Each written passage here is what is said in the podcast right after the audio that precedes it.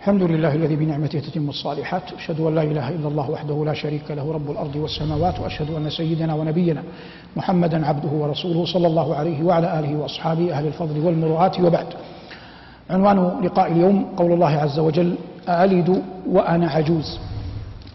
وهذه الآية فيما أذكر مر معنا تفسيرها من باب الحديث عن إسحاق وعن حديث والحديث عن رحمة الله بآل البيت آل بيت إبراهيم والحديث عن ضيف إبراهيم.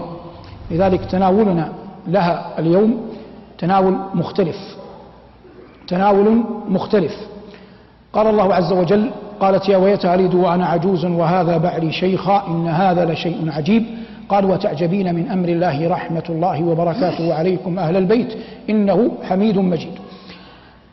الآية تخبر عن سارة زوج إبراهيم عليه السلام وأن الملائكة بشرتها فبشرناها بإسحاق ومن وراء إسحاق يعقوب. فقالت متعجبة كما قال الله يا ويلتى أألد وأنا عجوز. نحن الآن سنتكلم عن الولادة وعن قولها وأنا عجوز لأن القصة كقصة فسرناها العام الماضي. الولادة كل أحد على وجه الأرض من بني آدم ولد. إلا ما كان من آدم نفسه وحواء. فآدم خلقه الله بيده وأسجد له ملائكته. وحواء خلقت من ضلع آدم. الله يقول وخلق منها زوجها. أما غيرهما من غير استثناء ولدته أمه. إنما استثني المسيح عيسى ابن مريم أنه ولد من أمه مريم لكن لا أب له لكنه ولد من أمه. فكل أحد يدب على الأرض كمن كان قبل ومن سيأتي بعد. لا بد أن يولد من بني آدم. ظاهر هذا؟ ومن من حيث الصناعة اللغوية. كل مولود من بني آدم يقال له ابن أو ابنة. يقال له ابن أو أو ابن. هذا من من كليات العلم اللغوية. من ماذا؟ من كليات العلم اللغوية.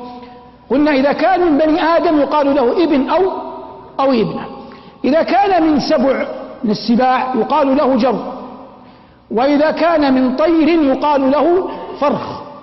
وإذا كان من وحشية وحشية مثل الظباء مثل الوعول يقال له طلع. يقال له طلع. هذا التقسيم العام. نأتي لمولود بني آدم. لم يولد أحد. أكرم على الله من رسولنا صلى الله عليه وسلم.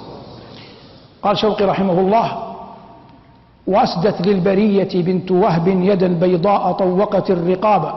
لقد ولدته وهاجا منيرا كما تلد السماوات الشهاب. وضاعت يثرب الفيحاء مسكا وفاح القاع أرجاء وطابا أبا الزهراء قد جاوزت قدري لمدحك بيد أن لي انتسابا فما عرف البلاغة ذو بيان إذا لم يتخذك له كتابا مدحت المالكين فزدت قدرا فلما مدحتك اقتدت السحابة. وأنا أظن ما مر علي عام مدرس إلا قلت هذه الأبيات ولد صلى الله عليه وسلم يوم الاثنين. ونبئ يوم الاثنين. وهاجر من مكة يوم الاثنين. ودخل المدينة يوم الاثنين. وقبضت روحه يوم الاثنين. صلوات الله وسلامه عليه. هذا الحديث مجملا عن رسول الله صلى الله عليه وسلم. قالت تلد وأنا عجوز. أو من حيث الصناعة التاريخية أول مولود في الإسلام بعد الهجرة في المدينة كان عبد كان عبد الله بن الزبير. كان من؟ عبد الله بن الزبير رضي الله عنه وأرضاه وقد مات في مكة قتله الحجاج بن يوسف في القصة المعروفة. هذا من حيث الصناعة التاريخية. الله يقول في القرآن لا تضار والدة بولدها ولا مولود له بولده. وحق الوالدين على الولد عظيم كما أن حق الولد على والديه عظيم. وقد وصى الله الآباء, الآباء بأولادهم ووصى الأولاد بآبائهم. وهذا أمر ولله الحمد محفوظ. قالت يا ويلة علد وأنا عجوز. هي تخبر عن نفسها عليه السلام لأنها عجوز.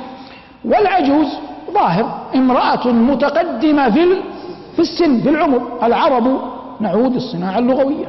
العرب بالنسبة للمرأة يقولون عنها وهي في مهدها طفلة. فإذا تحركت أصبحت وليدة. فإذا ظهر نهديها قالوا كاعب. فإذا استدار واكتمل قالوا ناهد. ثم يقولون عنها معصر يعني إذا بلغت المراهقة زادت عنها قليلا ثم يقولون خوت حتى يقولون نصف وإذا تجاوزت الأربعين والقائل يقول وإن أتوك فقالوا إنها نصف فقل فإن أطيب نصفيها الذي ذهب حتى يصلون بها إلى كلمة عجوز. فعجوز متقدمة في في السن.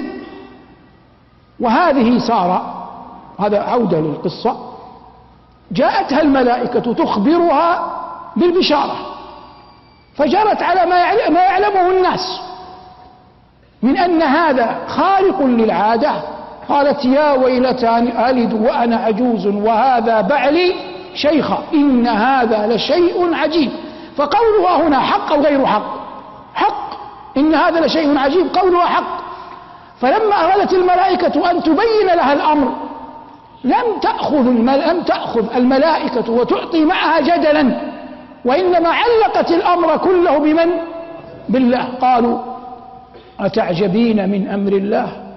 رحمة الله وبركاته عليكم أهل البيت. إنه حميد مجيد. كلنا آباء أو جلنا آباء. ووراء الشاشات من يسمعني من الأمهات وفي المسجد.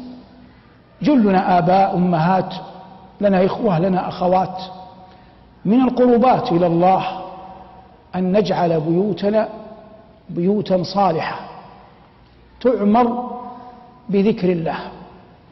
تعمر بالطاعة. تعمر, بالانكسار لله الواحد القهار. لعل الله ينزل علينا الرحمات. لعل الله ينزل علينا البركات. الله قال هنا رحمة الله وبركاته عليكم أهل البيت. إنه حميد مجيد. إن بعض الأبناء بعض الفتيان بعض الشباب.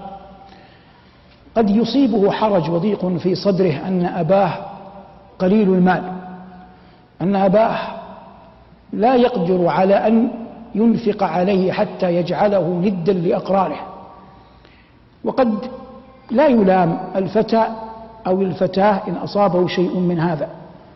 لكن ولا نريد أن نفرق بين والد وولده لكن إن رأيت أباك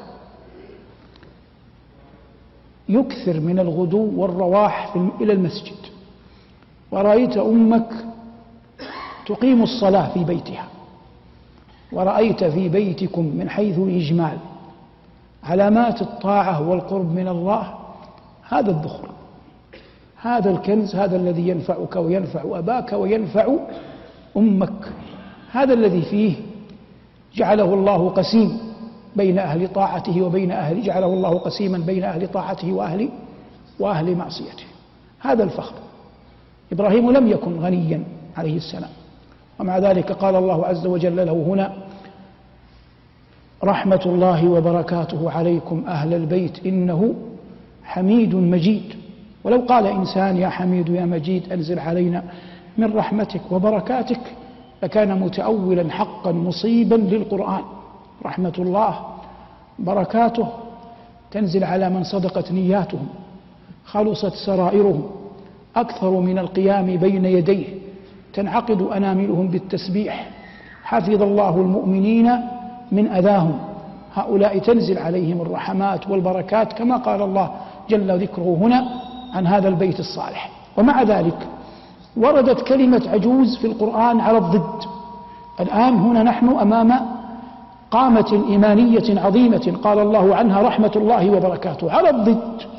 قال الله عز وجل وإن لوطا لمن المرسلين إذ نجيناه وأهله أجمعين إلا عجوزا في الغابرين. فسارة عجوز نزلت عليها الرحمات والبركات. وامرأة لوط عجوز أنزل الله عليها النقم والعذاب. وقد سمعنا تلاوة إمامنا وفقه الله. الله يقول ضرب الله مثلا للذين كفروا امرأة نوح وامرأة لوط. كانتا من نعمة الله عليهما تحت عبدين من عبادنا. ربنا يقول عنهم أنهما صالحان. كانتا تحت عبدين من عبادنا صالحين. ثم قال فخانتاهما.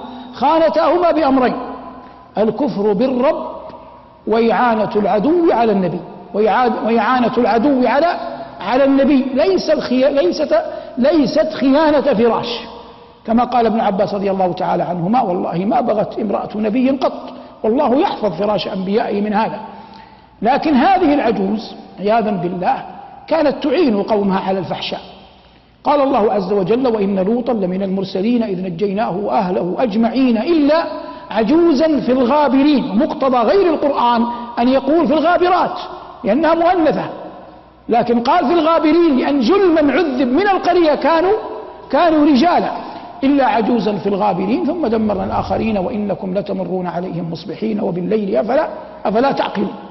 أما في السنة فلفظ عجوز جاء في مواطن. منها حديث سهل بن سعد رضي الله عنه وأرضاه أنه كان يقول كنا لا نقيل إلا بعد الجمعة.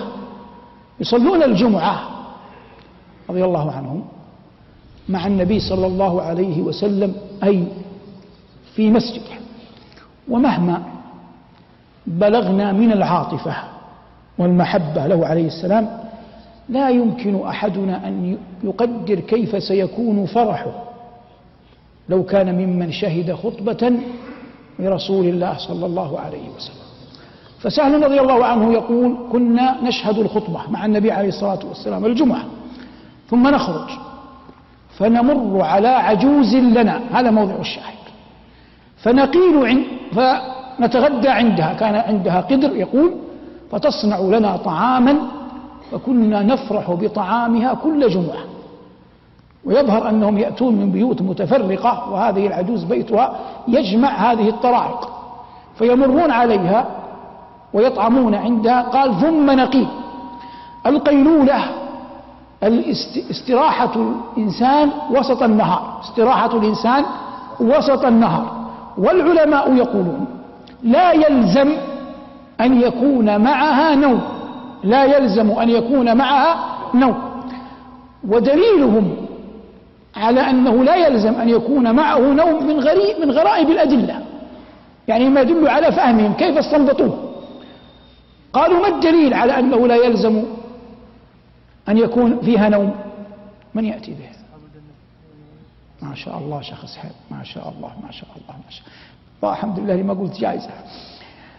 كما قال الشيخ سحيم الله عز وجل لما ذكر الجنة قال أصحاب الجنة يومئذ خير مستقرا وأحسن مقيلا.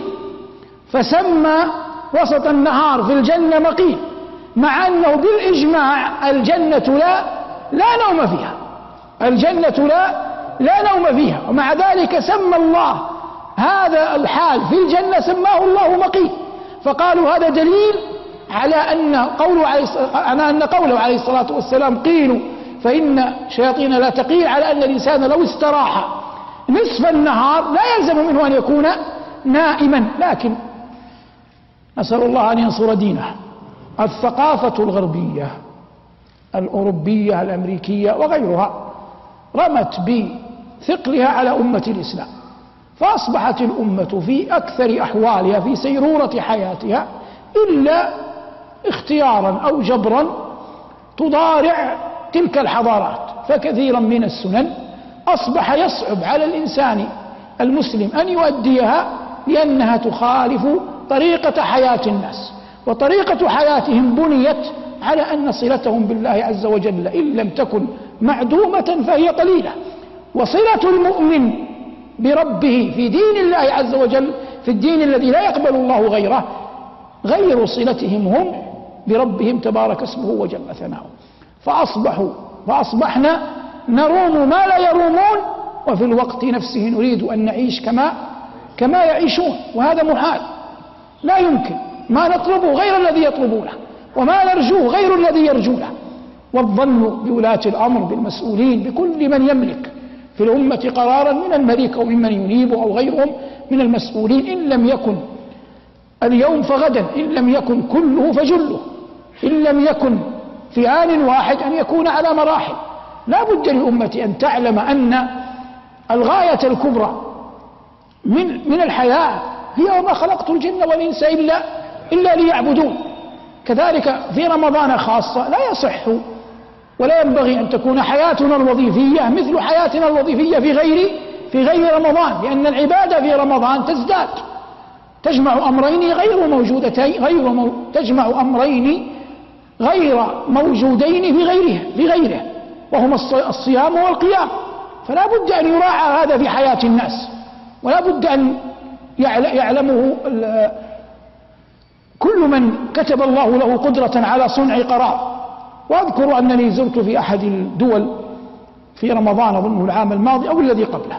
زرت مؤسسة عليا في تلك البلاد وكان هذا في نهار رمضان وهم من حسن ظنهم بي طلبوا مني أن أعطيهم درسا فأتيتهم في, في النهار وأعطيتهم درسا. فأراد المسؤول الأكبر الأول في ذلك المكان أن يقول لي إنه أمام أمام موظفيه أنه يشكو إلي أنهم لا يجتهدون في الحضور وأن هناك شيء من الغياب. هناك شيء من الغياب. أراد أن أن يسمعوا مني كلمة عتاب أو لوم أو لوم أو حظ فأنا طلبته هو أن يغض الطرف وأن هو يغير من طريقته. هو لا يستطيع أن يغير النظام لكن لا لا تحاسبهم بما كنت تحاسبهم به قبل رمضان. يعني باللغة الدارجة باللغة القريبة لا يستقيم. أن أنا أدخل المسجد صلاة الجمعة وأسمع الإمام والخطيب وهو صادق يوصيني بالصيام والقيام في رمضان. ثم تريدني أن أجمع ما بين الصيام والقيام ووظيفة تمتد إلى ثمان ساعات أو أكثر أو أقل في أمر نفسه. لا يعقل. يبقى الإنسان ضعيفا. فلا بد من تخفيف الوطء في رمضان حتى تتحقق ما هو أكبر من الوظيفة وهي قضية عبادة. عبادة الله هذا استطراد. فيما نحن فيه. قالت يا ويلتى ألد وأنا عجوز وهذا بعلي شيخا إن هذا لشيء عجيب. قال وتعجبين من أمر الله رحمة الله وبركاته عليكم أهل البيت؟ إنه حميد مجيد ذكرنا في السنة هذه العجوز التي كان سهل بن سعد وغيره من الصحابة يأوي إليها. كذلك جاءت لفظ عجوز في قوله عليه الصلاة والسلام لما قال للأعرابي عجز هذا الأعرابي أن يكون كعجوز بني إسرائيل. وقد تلك العجوز لما طلب منها موسى أن تدله على قبر يوسف ودلته وأمرته واحتكمت إليه إلى شرطها قالت أن أكون رفيقتك في الجنة.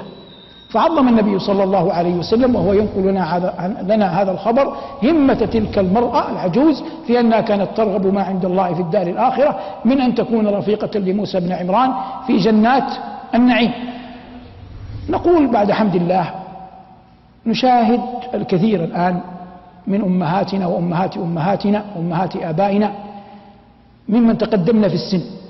يحضرن الدروس العلمية يقرأن القرآن يؤدين الفرض يصمن الشهر يكثرن من الذكر يقمن في الليل يسألن الله أن يحسن أن يحسن لهن الختام. هؤلاء بهن نفخر وبدعائهن ننصر.